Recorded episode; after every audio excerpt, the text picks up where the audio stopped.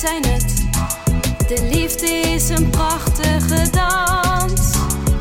Ik ben het, jij bent het, wij zijn het. YouTube coaching geeft ons meer chance.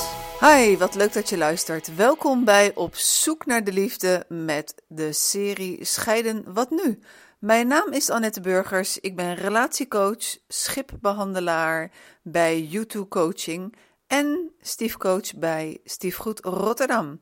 En ik maak deze serie omdat ik denk dat we echt beter ons best kunnen doen om de kinderen niet te betrekken in een scheiding. Ze hebben het al moeilijk genoeg. In deze serie heb ik al met zeer interessante professionals gesproken. Vandaag voeg ik een deskundige eraan toe. Ik spreek vandaag met Hugo in Rotterdam. Welkom, Hugo. Goedemorgen. Van harte welkom. Uh, mijn eerste vraag is altijd: uh, op zoek naar de liefde. Hugo, heb jij de liefde gevonden in je leven? Ik heb de liefde zeker gevonden in mijn leven. Ik heb de liefde gevonden in mijn kinderen, uh, in mijn partner, in mijn familie en mijn vrienden. Mede door mijn scheiding. Ehm, dan kom je erachter ja, wat liefde is in het leven. Ja, dat, dat is een, uh, een, een schot voor open doel. Want wat is jouw definitie van liefde? Uh, liefde is uh, wederkerigheid. Hè, je, het is geven en nemen van mensen. Uh, betrouwbaar zijn, betrokken zijn op elkaar. En um, ja, dat is volgens mij liefde. Wat voor gevoel krijg jij als je praat over de liefde of als je bent met de mensen die je lief hebt? Mm ja, toch een, een, kom ik weer terug op die geborgenheid en, en het vertrouwen in elkaar hebben uh, en de wederkerigheid. Dus laat maar zeggen, een warm gevoel. Uh, dat je mag zijn wie je bent. En uh, heb je een partner op dit moment? Ja, ik heb al uh, geruime tijd een partner, ja. En kan je herinneren toen je haar de eerste keer zag, wat je voelde? Wat gebeurde er met je lijf? Oeh, ja, nee, dat is. Ja, dat, dat is dan natuurlijk toch spannend. Hè? Je gaat uh, met z'n tweeën heb je dan uiteindelijk de afspraak gemaakt dat je gaat daten. Dus dat zijn, ja, dat is meer een af, afwachtende, uh, gespannen houding natuurlijk. Dat is nog niet echt liefde, dat komt later. Ja. En weet je nog het moment dat jij besefte van, mm, dit is niet zomaar een date, maar hier voel ik iets meer bij? Uh, dat is denk ik pas de tweede of de derde date geweest. Want ja, je bent toch wat, gezien je historie, wat terughoudender daarin. En ook gezien je leeftijd is het meer een, een ja, eerst een aftasten geweest. Gezien je leeftijd, ja, uh, alsof hier uh, een man van 70 op de bank zit. Hoe oud ben je? ik ben 41 en ja, kijk, vroeger toen je nog tiener was, dan, dan ging je daten. Dan ging je puur uit op, af op de looks. En, en dan had je een, een, een vriendinnetje en dat ging heel snel. En nu denk je er toch meer over na. Maar, dus we gaan even terug naar die tweede date. Uh, zij deed iets of zij zei iets waardoor ze een snaar raakte bij jou. Wat, wat, wat gebeurde er? Wat, wat vond je zo aantrekkelijk aan haar? Uh, dat was vooral haar manier van denken en, en, en, en, filosoferen en haar blik op het leven. Dus we zijn echt tegenpolen wat dat er gaat. Zij is veel filosofischer en uh, religieuzer dan ik. Dus een hele andere kijk op het leven, die daardoor toch een hele goede match geeft. Ja. En, uh, en als je in mijn vorige podcast heb ik het ook wel gehad over een contactadvertentie. Hè? Wat, uh, wat voor een verlangen, wat, wat, wat zoek je eigenlijk in een ander? En hoe ziet je contactadvertentie eruit? Hoe ziet, zag, en nu ben je natuurlijk, uh, uh, nu heb je iemand ontmoet, maar er zit de, altijd, welke relatie dan in feite ook, je hebt je eigen contactadvertentie. Hoe ziet die van jou eruit? Poeh, daar, daar moet ik over nadenken. Um... Ja, geef niet, dat mag. Ja, het, is even een, het zijn hele andere vragen als ik had verwacht natuurlijk. Uh, mijn contactadvertentie, hoe zou die eruit zien? Ja, je zoekt een, een, ik, ik zou dan zeggen van, ik zoek een vrouw met, de, die, die, die van diepgang houdt, die van uh, lol houdt, nadenken over het leven. Uh, ja. Ja, dan kijk je naar de ander. Ik zou even helpen. Als ik mijn contactadvertentie zou maken, uh, we hebben het er thuis uh, namelijk ook wel over gehad. Niet dat ik op dit moment een contactadvertentie de wereld in uh, slinger, maar dan zou ik van mezelf zeggen, dus ik, kijk hem, bekijk hem vanuit mij, van stoere, zelfstandige, op het oog een onafhankelijke vrouw met, ehm, met, met behoefte aan avontuur, met behoefte aan spanning, sportief, fietsend. Uh, maar ook uh, het kleine meisje uh, met, met de afhankelijkheid en met, ehm, met de behoefte om zo nu en dan weg te kunnen schuilen bij een veilige rots in de branding. Nou, zo spontaan komt hij even naar boven. Maar dat bedoel ik, hè, dat je naar jezelf kijkt. Okay. Van wat heb jij eigenlijk nodig? En wat zijn jouw behoeften? Wat zend je uit naar buiten toe? Maar wat zit er eigenlijk uh, in, in dat uh, kleine jongetje, wat, wat iedereen ook nog in zich heeft? Hmm, ja, dan zou ik zeggen, jonge bevlogen vader van, uh, van twee kinderen. zoekt, of ja, um, helaas niet meer zo sportief, maar wel actief, reislustig, um, houdt van, laat me zeggen, het Burgondische leven ja, houdt van, van uitgaan, uh, actieve dingen met zijn kinderen. Dus bijvoorbeeld bos, zee, strand, uh, noem het maar op. Ja, en welke behoeften heb jij voor het, het mentale, emotionele stukje?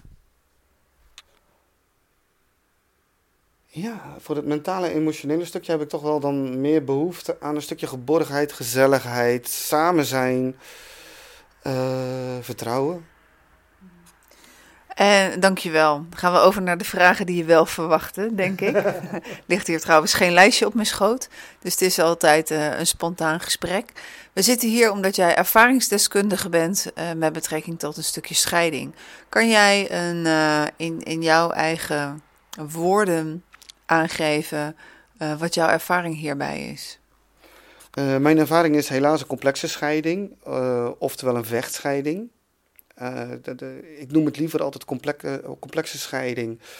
Omdat ja, een vechtscheiding geeft aan dat je te maken hebt met, met twee vechtende ouders. Een complexe scheiding geeft aan dat er gewoon problemen zijn. Want vaak in een vechtscheiding heb je een, een toxische ouder. En een ouder die daar het slachtoffer van is, om het zo maar te zien. Uh, door de instanties wordt vaak dan toch gezegd van ja, jullie zijn beide aan het strijden. Terwijl dat vaak helemaal niet zo is. Nou, dat is mijn ervaring nu de afgelopen uh, vijf jaar. Hè. Zo lang duurt mijn complexe scheiding al. Ik heb daar veel van geleerd en dat probeer ik dan ook uit te dragen om, om daar een, een, verbeterslag in te maken. Dat ook de hulpverlening en, en uh, de beleidsmakers zoals de politiek gaan inzien dat dit soort situaties, hè, waar er steeds meer van komen, op een andere wijze aangepakt moet worden. We hebben afgesproken, Hugo, dat we niet uh, te diep ingaan op jouw persoonlijke situatie. Uh, maar je geeft aan van ik heb er veel van geleerd. Uh, kun je aangeven, ik denk dat het een heel rijtje wordt, van wat heb je daar dan uit geleerd uit deze complexe scheiding? Wat ik ervan geleerd heb is hoe ver een valse aantijging, hè, dus wat, wat, wat, die, wat de impact kan zijn op je leven. En wat, laat, hoe, hoe ver het, laat me zeggen, kan doorwerken. Uh, en wat voor negatieve effect het kan hebben op de band met je kinderen bijvoorbeeld. Of uh, de band van de kinderen met hè, beide ouders. En wat voor effect het ook heeft op hun grotere groeien en, en, en de weg naar de volwassenheid. Wat ik geleerd heb is uh, wat het effect is van een, uh, van een valse melding uh, of een valse aantijging. Hoe ver dat kan doorwerken en wat het effect vooral is natuurlijk op je, op je kinderen en hun ontwikkeling. Wat het effect is op je omgeving zelfs. Hè. In een complexe scheiding is het niet alleen die, dat, dat, die twee strijdende exen en het effect op hun kinderen. Maar ook heel de omgeving wordt meegenomen in deze strijd. Eigenlijk wordt het, ja, het is een soort van, van steen die je in het water gooit. En die rimpels die gaan steeds verder en dat, dat zie je gewoon gebeuren.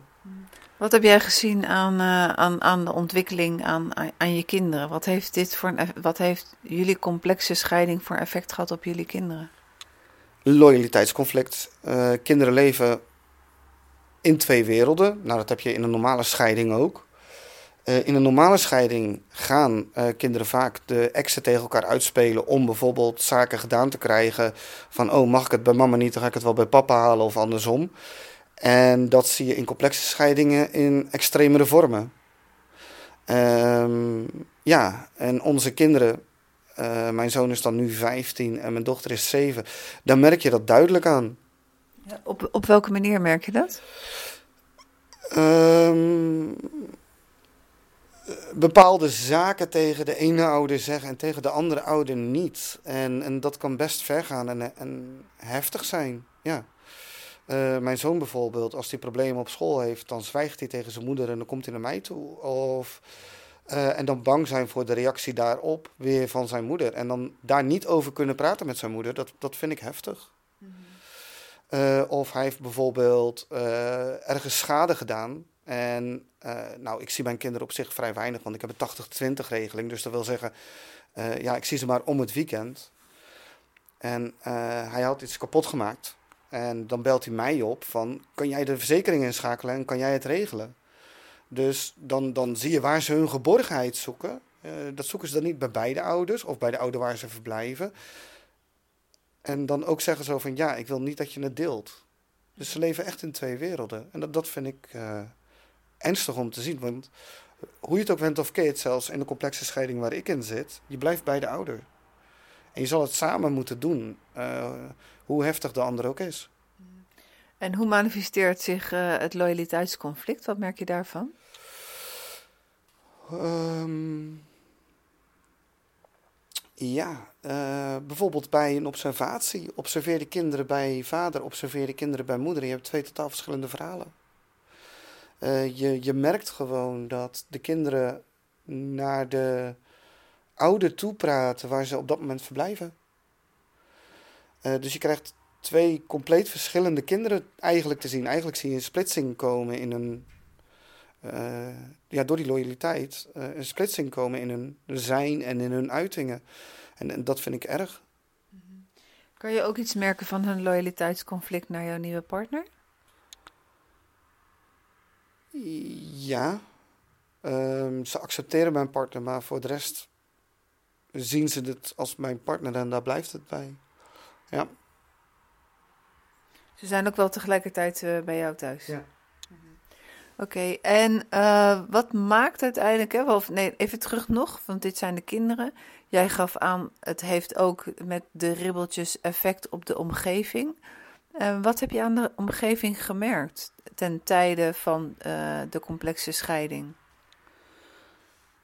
Um, nou, dan zal ik even een van de meest heftige eruit pakken. Uh, ik werd gebeld door een gezamenlijke vriend van mijn ex en van mij. Die woont al jaren in Spanje. En deze vriend van mij had ik wel eens contact mee nog. Hij woont in Spanje, dus dat is ver weg. En die belde mij op.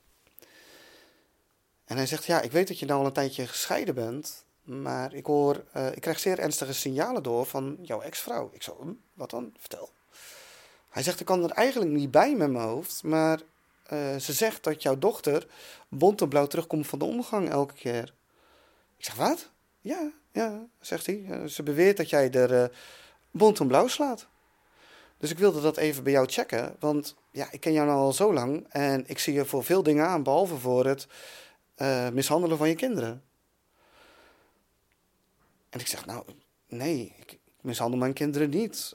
hoe komt ze hierbij? En dat is het effect op je omgeving in zo'n complexe scheiding. Van, hè, de, de, dan kom je ook weer in het gebied van ouderverstoting, hè, waar ik uh, dan ook heel veel ervaring mee heb.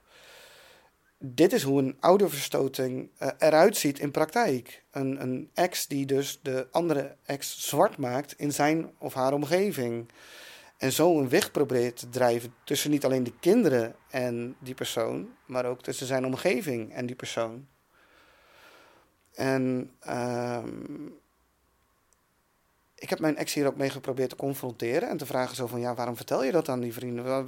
waarom zeg jij tegen hun dat ik uh, onze dochter bont en blauw sla? En dan krijg je dan ook geen reactie op. Uh, daar valt ook niet over te praten. En dan uh, krijg je uiteindelijk via de jeugdbescherming te horen dat zij dat nooit gezegd heeft. En dan sta je weer op nul. Terwijl je, ja, het doet je wel heel veel. Het beschadigt je. Ja. En, en, in dit geval nog goed dat die vriend dat hij je checkt. Hè? Dat, dat hij niet zich van je afkeert, maar dat hij je belt en dat hij zegt van dit heb ik gehoord. Uh, ik, kan me niet voorstellen dat het klopt, dus ik, ik, ik leg het even tegen je, tegen je aan.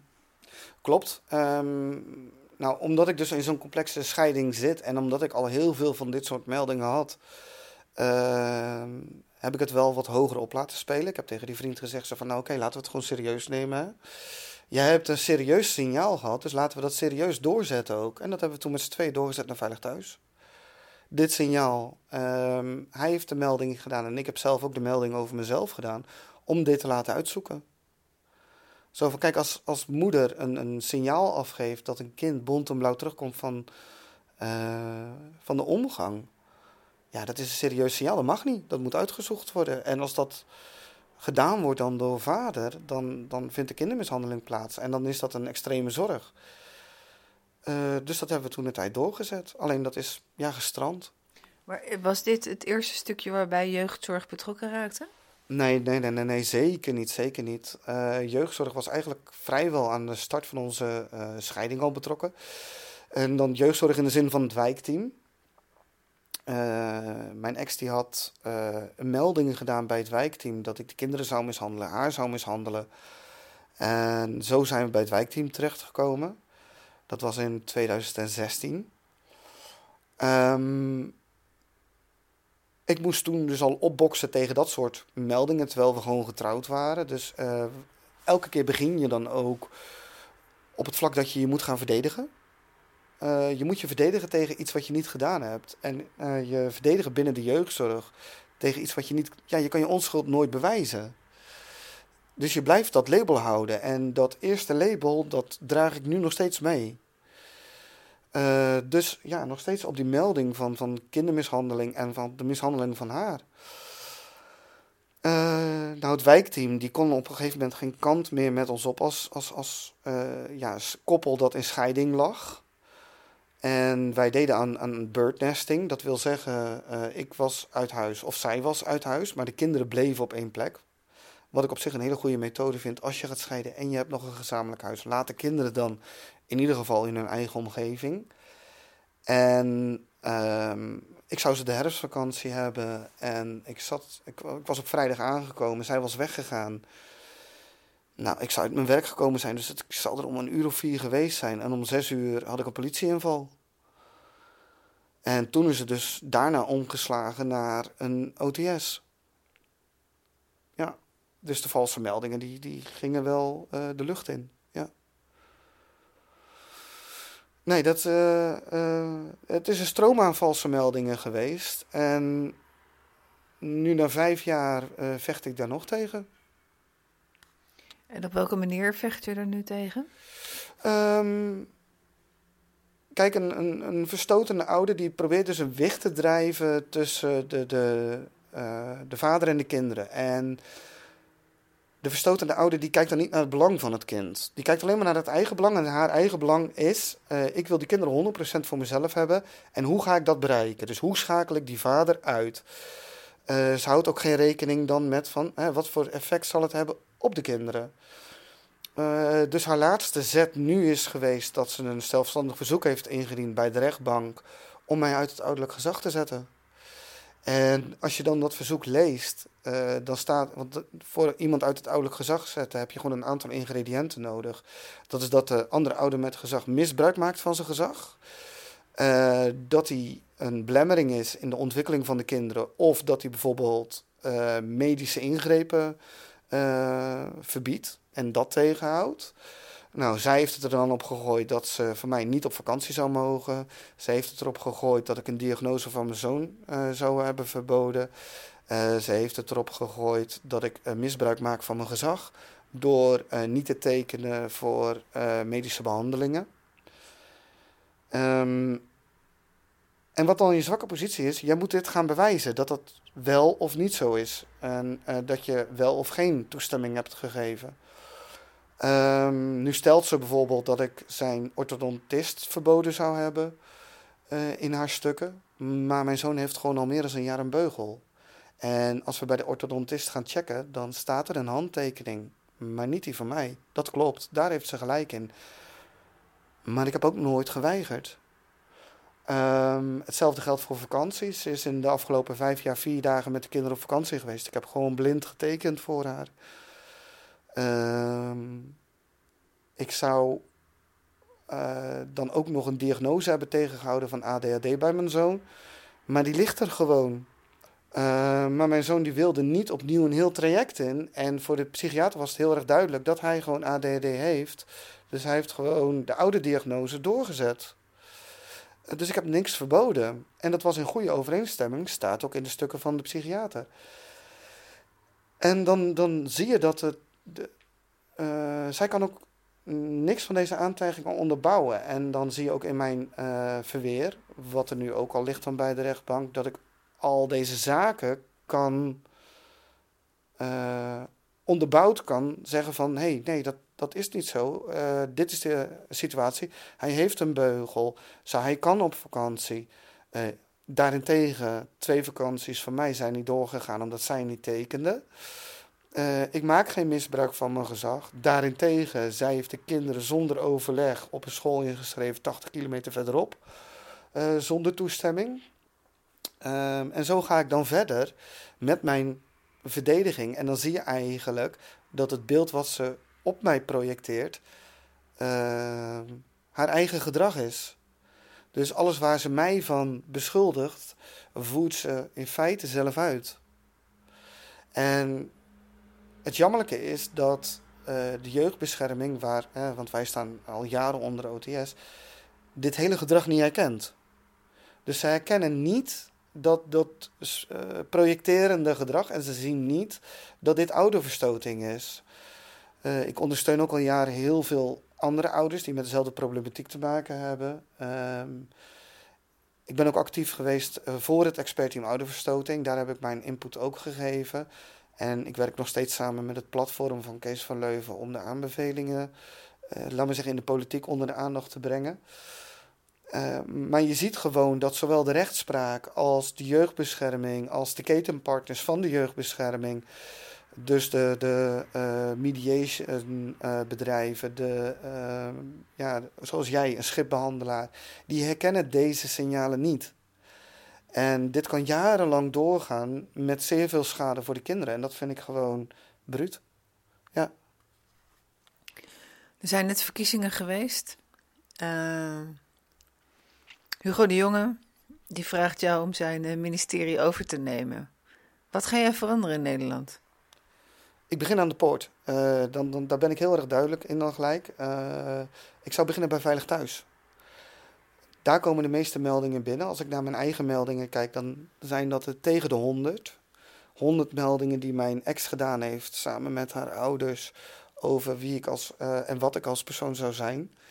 Hun protocol schrijft bijvoorbeeld nu voor dat er, uh, als er een melding binnenkomt over een persoon, dat die gehoord moet worden. In 95% van de meldingen uh, die over mij bekend zijn, is er nooit wederhoor gepleegd. Um, de lijn die in de meldingen zit, Hè, er zou een signaalwerking vanuit moeten gaan. Zo van oké, we krijgen over deze persoon heel veel meldingen binnen. Maar we krijgen nooit de respons dat het waar is. Dus we krijgen vanaf de politie meldingen binnen, want er zijn ook heel veel meldingen gedaan over mij bij de politie. Nou, ik heb nog steeds geen strafblad. Uh, die is nog steeds blanco. Ik ben wel vaak opgepakt door meldingen van mijn ex. Maar het bleek altijd loze alarm. Uh, dat zou een signaalwerking moeten zijn. En dat zou een signaal moeten afgeven van wat doen we aan de persoon die die meldingen doet. Hè, dus wat, wat gaan wij uh, aan die ex doen die uh, dit veroorzaakt? En ook de wetenschap van ehm, wat voor effect heeft deze valse melding op de kinderen. En dan die valse melder gaan benaderen als iemand die aan uh, kindermishandeling doet. Want uh, bijvoorbeeld een politieinval heeft heel veel effect gehad op mijn kinderen. Mijn kinderen zijn nog steeds bang voor de politie. Als zij een politieauto zien rijden, kijken ze er met hele andere ogen naar als dat uh, normale kinderen dat doen. En dat is nu jaren geleden gebeurd. En, en nog hebben ze daar angst voor. Dus vooral dus de impact, niet alleen op mij als, als, als vals beschuldigde, maar ook de impact op mijn kinderen die dit meekrijgen, uh, zou gezien moeten worden en aangepakt moeten worden en een, en een rode vlag moeten zijn bij instanties als Veilig Thuis, daarna het wijkteam, daarna uh, de jeugdbescherming in het drangkader, en daarna in het dwangkader van uh, hier moeten we serieus wat mee. Het wordt nu gewoon niet meegenomen en niet gezien. En wat, wat zou de oplossing daarvoor zijn? Feitenonderzoek. Uh, ik blijf het eigenlijk zeggen. Uh, dus ik zou aan Hugo de Jonge, mijn naamgenoot, zeggen van... Uh, je hebt het rapport verbeteren feitenonderzoek. Ga dat nou ook eens echt uitvoeren. En tegen Sander Dekker zou ik zeggen van... Hè, je hebt aangegeven dat een, een, een, valse melding opgevolgd kan worden met een aangifte. kom het ons als ouders eens uitleggen welke aangifte wij dan kunnen doen. Uh, kom ons eens begeleiden en, en wijs het vangnet aan wat je hebt aangegeven dat er zou moeten zijn bij Veilig Thuis. Uh, ik heb honderd meldingen, uh, deze blijken vals. Waar is het vangnet? Waar is de opvolging? dat zou ik tegen Hugo en Sander zeggen. Hugo, um, ho hoe ben jij overeind blijven staan? Dan verwijs ik je terug naar Jan Storms. Jan Storms heb jij eerder hier gehad op de bank en die heb jij mogen interviewen.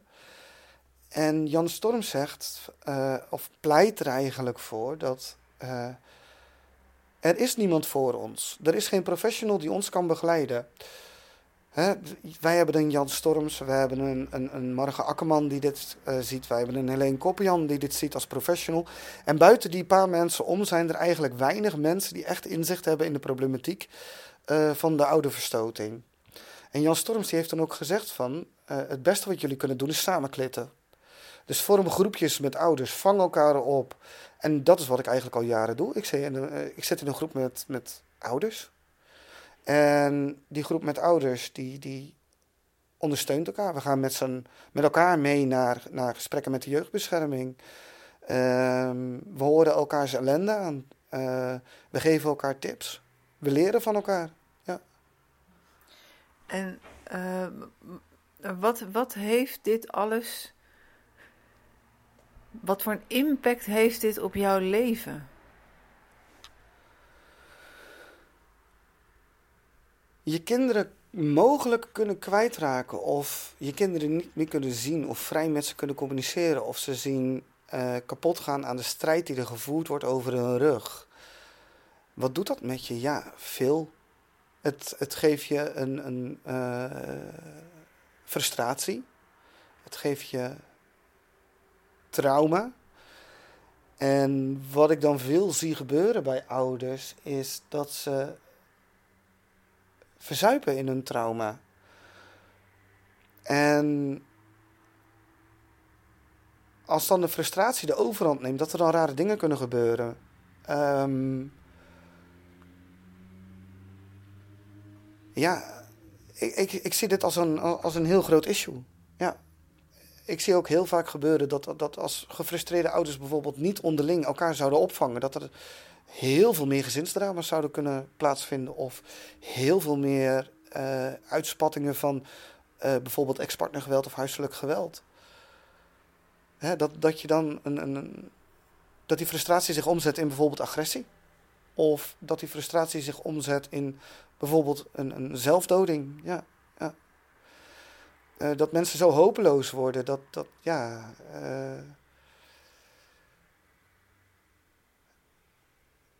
dat ze dus echt daadwerkelijk verzuipen, ja.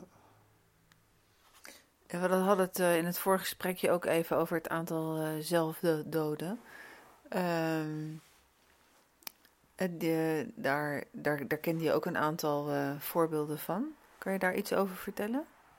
Nou, ik vind het altijd moeilijk om daarover ehm, te vertellen, omdat je natuurlijk toch een, een hele weg bent gelopen met die ouders.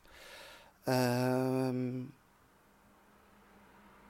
ouders lopen vast in een systeem en het, het systeem op dit moment klopt gewoon niet als het gaat om complexe scheidingen en als het gaat om ouderverstoting. Het hele systeem herkent het niet, erkent het niet en acteert er niet op. Uh, werkt vaak zelfs contraproductief.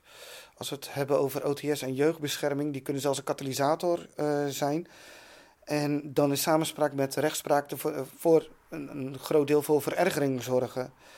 En dan kan de frustratie bij die ouders en de onmacht bij die ouders zo groot zijn dat ik uh, ja, vorig jaar aan de lijve heb meegemaakt dat vijf ouders over het algemeen vader zelfmoord plegen. En, en verdere details wil ik daar niet over delen, omdat het gewoon heel gevoelig ligt. En uh, in, in jouw groep, uh, want we hebben het dan over, jij bent natuurlijk een vader, uh, je hebt het over vaders. Um, zijn er ook vrouwen in jouw groep? Jazeker. Um, er is een, een, een, vrouw die mij al jaren begeleidt en mij eigenlijk uit de sloot getrokken heeft toen ik aan het begin van mijn scheiding stond. Ik heb echt heel diep respect voor haar. zij begeleidt mij ook bij de gesprekken met jeugdzorg. En zij houdt mij op de been en, en heeft mij de weg gewezen. Maar dat is een verstoten moeder.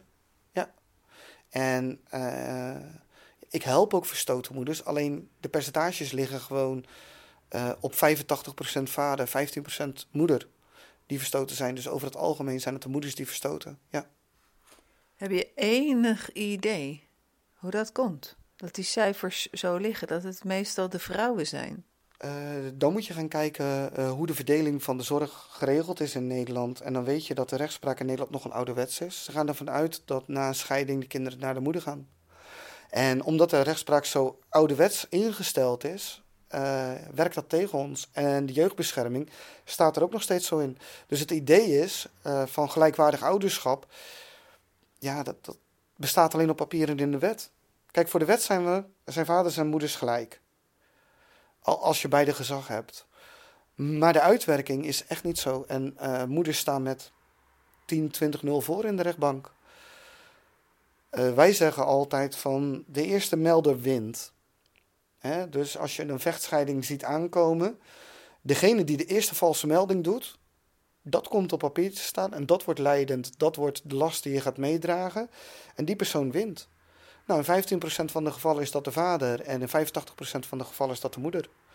Omdat, naar mijn idee, vaders minder snel ook naar het middel valse melding grijpen. En, en hoe komt dat, denk je? Ik denk dat dat ook weer terug te vinden is in onze samenleving. Want als een, uh, een vader melding doet, bijvoorbeeld van huiselijk geweld, wordt hij in 99 van de 100 gevallen niet geloofd.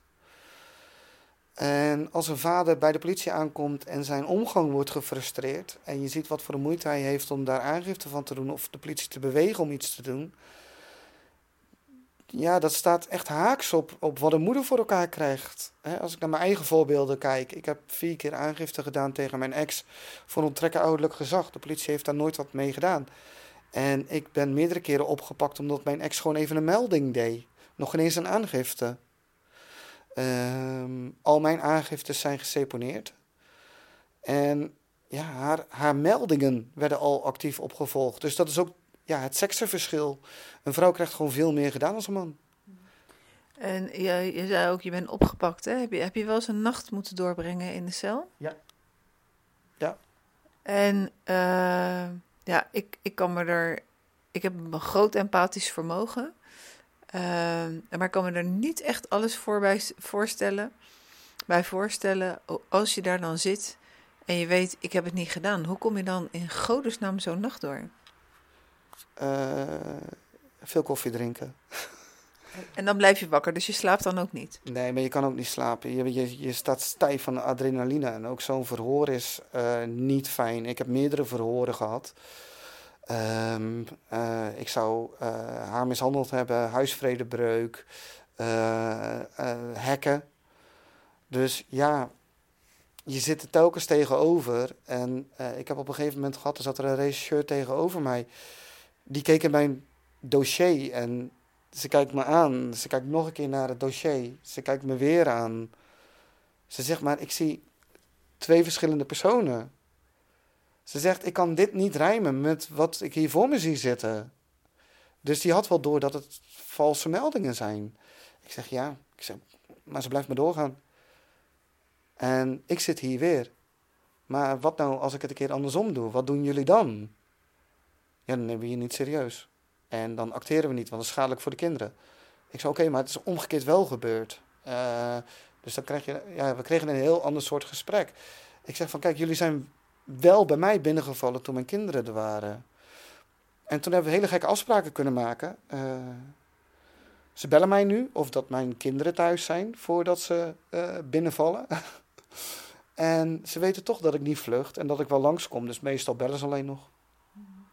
Is het, kom je elke keer op hetzelfde politiebureau terecht? Ja. Uh, maar alsnog, dan uh, gaat er geen lampje bij ze branden van oké, okay, daar, uh, daar gaan we weer. nee, ik ken een vader die is in de afgelopen vijf jaar 19 keer opgepakt voor een aangifte van seksueel misbruik van zijn dochter. Er gaat nergens een lampje branden.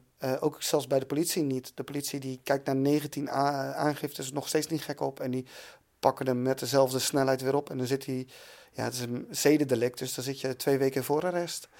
Uh, we hebben hem al meerdere keren vrij kunnen krijgen. Maar dit is wat er in Nederland gebeurt. Uh, moeder loopt naar het politiebureau, doet aangifte. Uh, dan volgt er bij zo'n zo'n kind een, een forensisch onderzoek, een, een GOVI-onderzoek. Dat is bij Erasmus in, uh, in, Rotterdam bijvoorbeeld. Dat is al traumatisch. Dus die moeder die neemt 19 keer de stap om, om die aangifte te doen. En 19 keer wordt die vader vrijgesproken. En nergens gaat er een lampje branden. Dat is Nederland. Ja. Uh, als je dan toch op de stoel zit van jouw naamgenoot Hugo de Jonge. En we kijken naar het fenomeen scheiden. dus we gaan eventjes uh, een stukje naar voren op het moment ouders gaan scheiden. En uh, de scheiden is nog geen complexe scheiding. Wat zou je daar preventief, wat zou je daar mee gaan doen? nu, als je gaat scheiden, ga je naar de mediator of een advocaat, een jurist. de harde kant van de scheiding. Wat meestal na veel gebakkelei wel geregeld kan worden. Ik zou zeggen, haal die uh, mediator en die advocaat weg. Uh, dus heel de juridische kant. En uh, zet er een gedragswetenschapper of een psycholoog of een psychiater op, op een scheiding. Dus eleveer het gelijk naar ehm, de diagnostiek. Oké, die hebben geen klapverstand van een boedelscheiding, maar dat, dat kan je altijd wel regelen. Maar die hebben wel een, een heel veel verstand van de, de, uh, de communicatie tussen deze mensen die nu uit elkaar gaan met kinderen.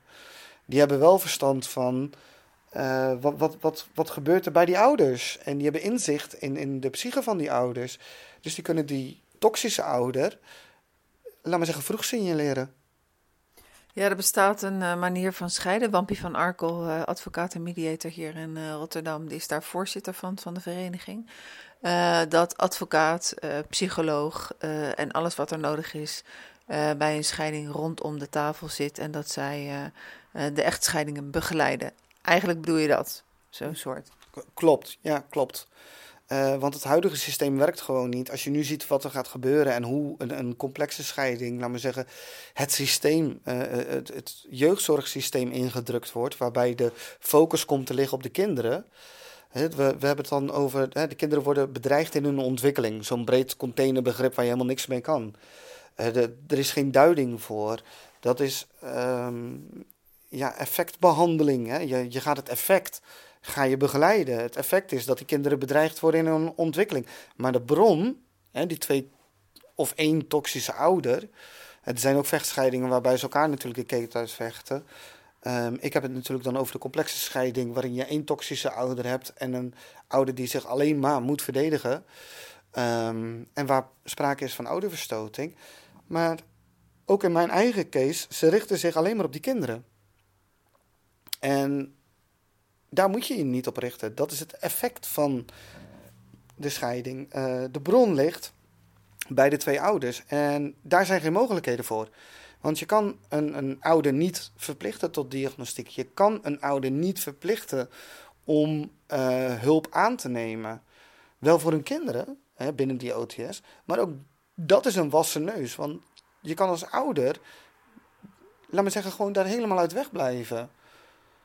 Uh, als ouder word je nooit geraakt of aangepakt of, uh, ja, laat me zeggen, wordt er iets gedaan aan het gedrag van een ouder. Want het is ook echt onmogelijk.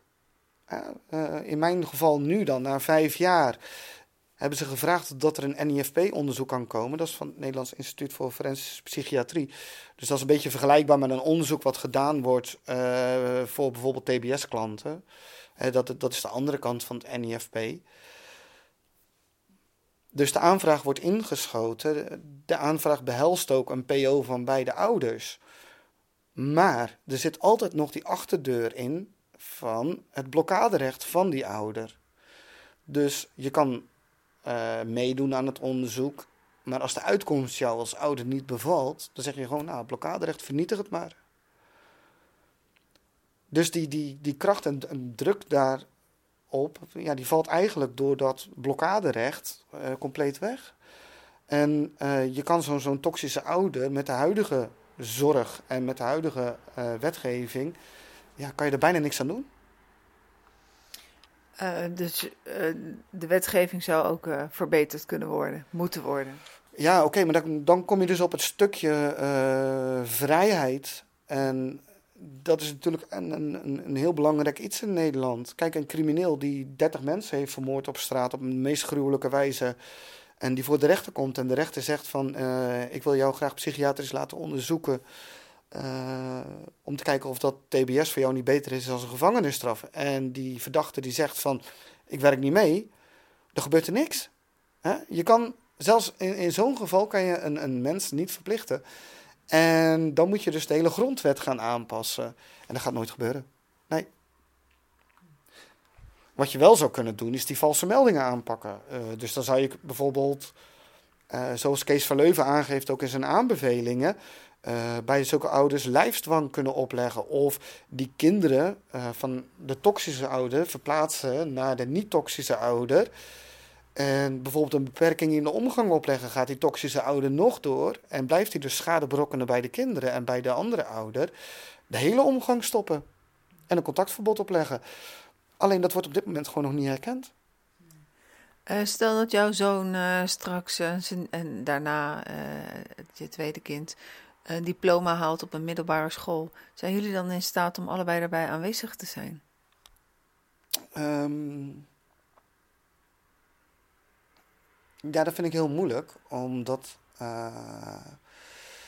het is al eerder voorgekomen. Uh, ja, het is mogelijk, maar ik zit aan de ene kant van de zaal en zij aan de andere. Ja, toch in ieder geval fijn dat je er allebei kan zijn. In mijn uh, vorige gesprekken met een uh, advocaat en een mediator en met een uh, coach-therapeut kwam naar voren de kosten die het met een scheiding met zich meebrengt. waarbij de advocaat-mediator een pleidooi had om, om het, een, een scheiding te laten verzekeren opdat uh, koppels goede hulp zouden kunnen krijgen. Uh, en uh, niet twee advocaten die elkaar de tent uitvechten, maar uh, op een andere manier uh, waar een kostenplaatje aan zit. Zo dus bijvoorbeeld wat ik net zei, dat er een aantal specialisten rondom een gezin staan. en waarbij de therapeut zei, mensen moeten het vooral voelen en die, die, wat een, een scheiding kost. En die moeten het vooral zelf betalen. Heb je hier een mening over? Ja, die vind ik moeilijk, want um, familierecht zal nooit uh, in het verzekeringspakket komen.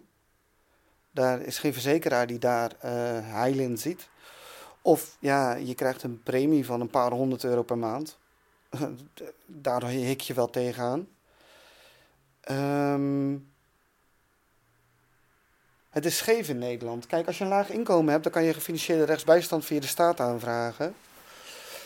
En dan ben je als Nederlander op zich best goed beschermd. Uh, verdien je net meer dan uh, modaal, dan moet je het al zelf gaan betalen. En als ik dan naar mijn eigen situatie kijk, ik verdien een bovenmodaal, en, uh, maar ik kan het niet betalen. Maar ik ben niet beschermd. Dus voor mij zou zo'n verzekering ideaal zijn. Een gemiddelde rechtszitting kost mij tussen de 5 à 6.000 euro. ik heb al heel veel rechtszaken gehad. Uh, ik denk dat ik al, ik zit al dik over de 60.000 euro aan, uh, aan juridische kosten heen. Uh, mijn ex die krijgt gewoon gefinancierde rechtsbijstand, dus die, die procedeert er lustig op los. Want haar kost het niks. Um, nee, het is niet goed geregeld, die, die kostenstructuur. Mensen met veel geld kunnen het betalen en mensen zonder geld kunnen het betalen. En de hele middengroep, de hele middenmoot, die, die gaat er letterlijk aan kapot. Ik zie ook veel ouders die hun baan opzeggen of de bijstand induiken om hun kinderen te blijven zien en hun advocaat te kunnen gaan betalen. Dat, dat is gewoon uh, een trend aan het worden. Want anders kan je gewoon niet meer verdedigen. Je, je kan het niet betalen. Het is onbetaalbaar geworden. En uh, die verzekering zie ik niet komen. Maar wat er in essentie zou moeten veranderen, is het familierecht. Het familierecht faciliteert het toernooimodel op dit moment. Uh, de waarde van een, een civiele uitspraak is 0, niks nada. Hè, je, je krijgt iets opgelegd van een rechtbank en, en je loopt naar buiten uh, met die uitspraak. Uh, ja, die kan je net zo goed verbranden en verscheuren, want de waarde is nul. Hè, zelfs een, een, een vastgelegde omgangsregeling is voor een vader, als hij dat op beschikking heeft, van nul en geen waarde. Want je kan ja, je kan er niet je omgang mee afdwingen. Het heeft geen macht. En als je zo'n, in, in, in zo'n toxische scheiding zit, dan, dan blijf je maar voor die rechter gesleept worden. Voor, voor de meest gekke dingen. En, en dat is ook wat bijvoorbeeld een, een rechter als Kees van Leuven aangeeft. Van ja, je ziet die mensen maar steeds terugkomen, terugkomen, terugkomen. En dan vragen ze een beslissing van jou. En dan lopen ze naar buiten. En dan houden ze zich weer niet aan die beslissing. En dan komen ze weer terug om, om hem nog een keer een beslissing te vragen. En dat wordt ook weer niet aangehouden. En, en, en zo is het toernooimodel wat in, in, gang gehouden wordt. En er zijn gewoon advocaten die daar gewoon gruwelijk op verdienen.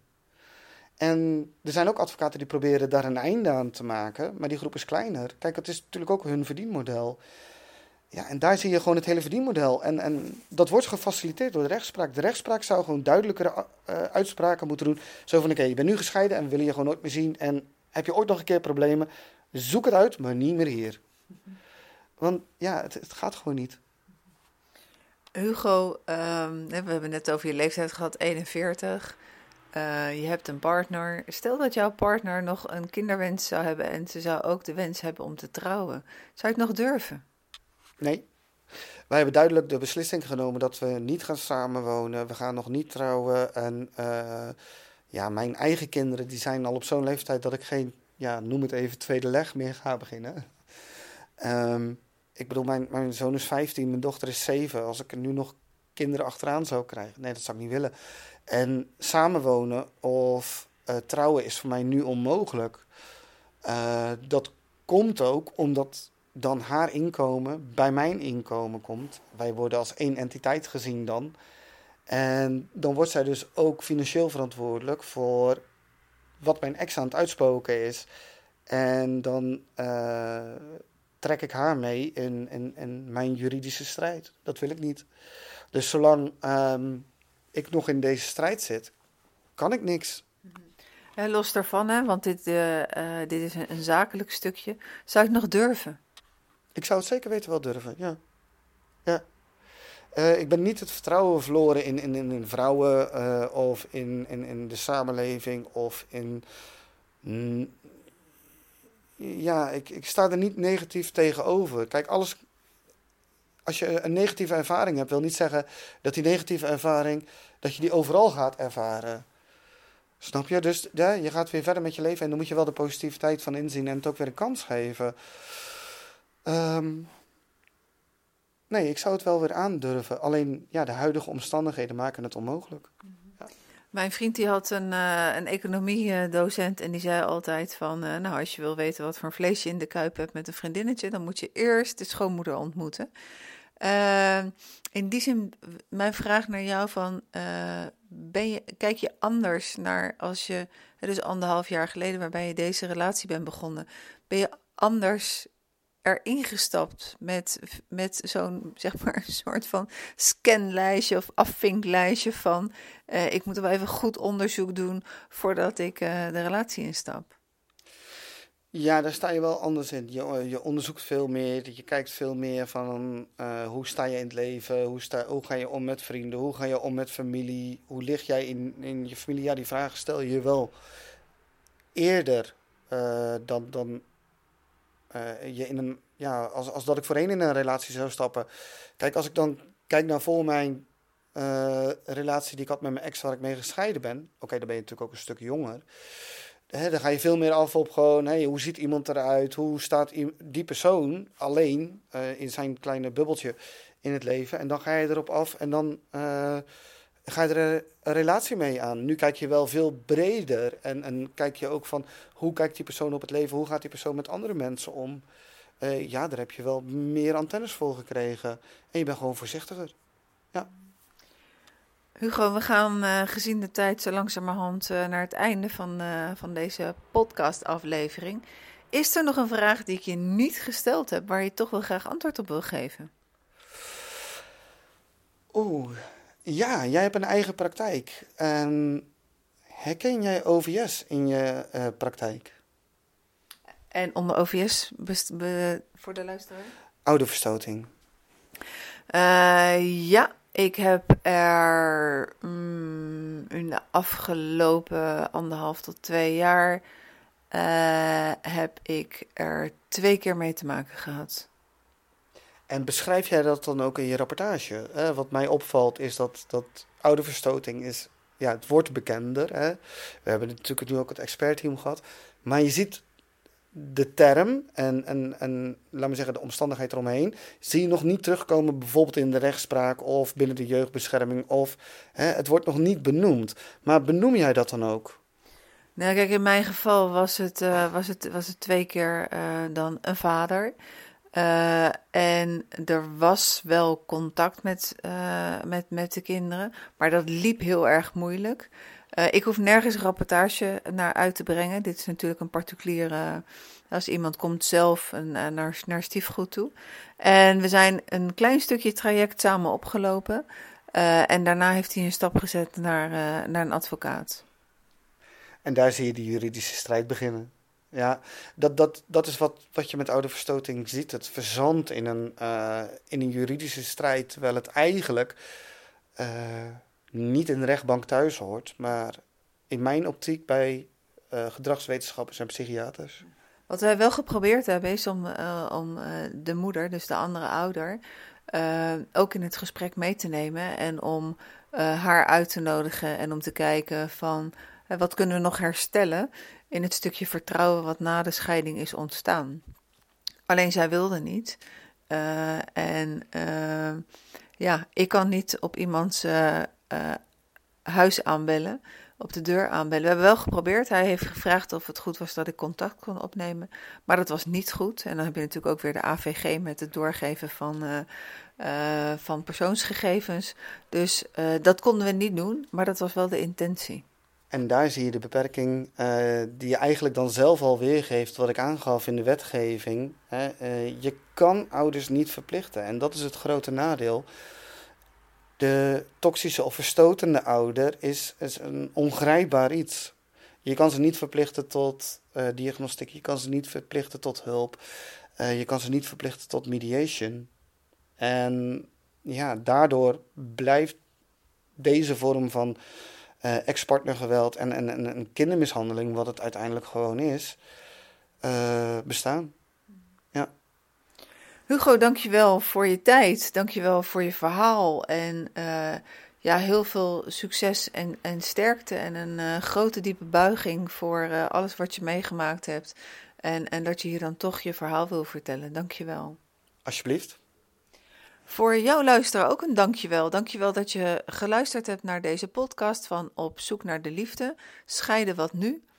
En ehm, Hugo is, uh, dat is niet zijn echte naam. Zijn naam is wel bij mij bekend. Heb je vragen over uh, deze aflevering? Stuur dan je vraag naar annette.stiefgoed.nl of naar info.youtubecoaching. En uh, dan krijg je antwoord op je vraag. Over twee weken is er weer een nieuwe aflevering van Op zoek naar de liefde. Scheiden wat nu. En ik hoop dat je dan ook wel wil luisteren. Dankjewel.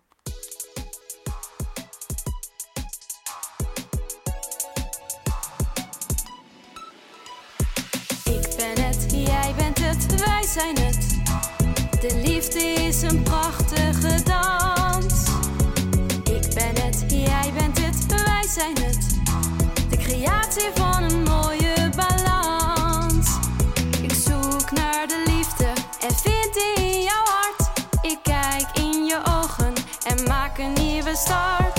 Ik ben het,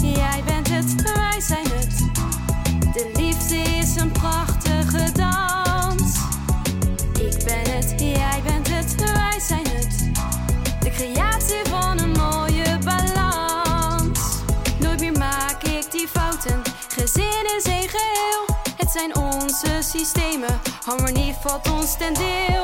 Ik ben het, jij bent het, wij zijn het. De liefde is een prachtige dans. Ik ben het, jij bent het, wij zijn het. YouTube coaching geeft ons meer chance.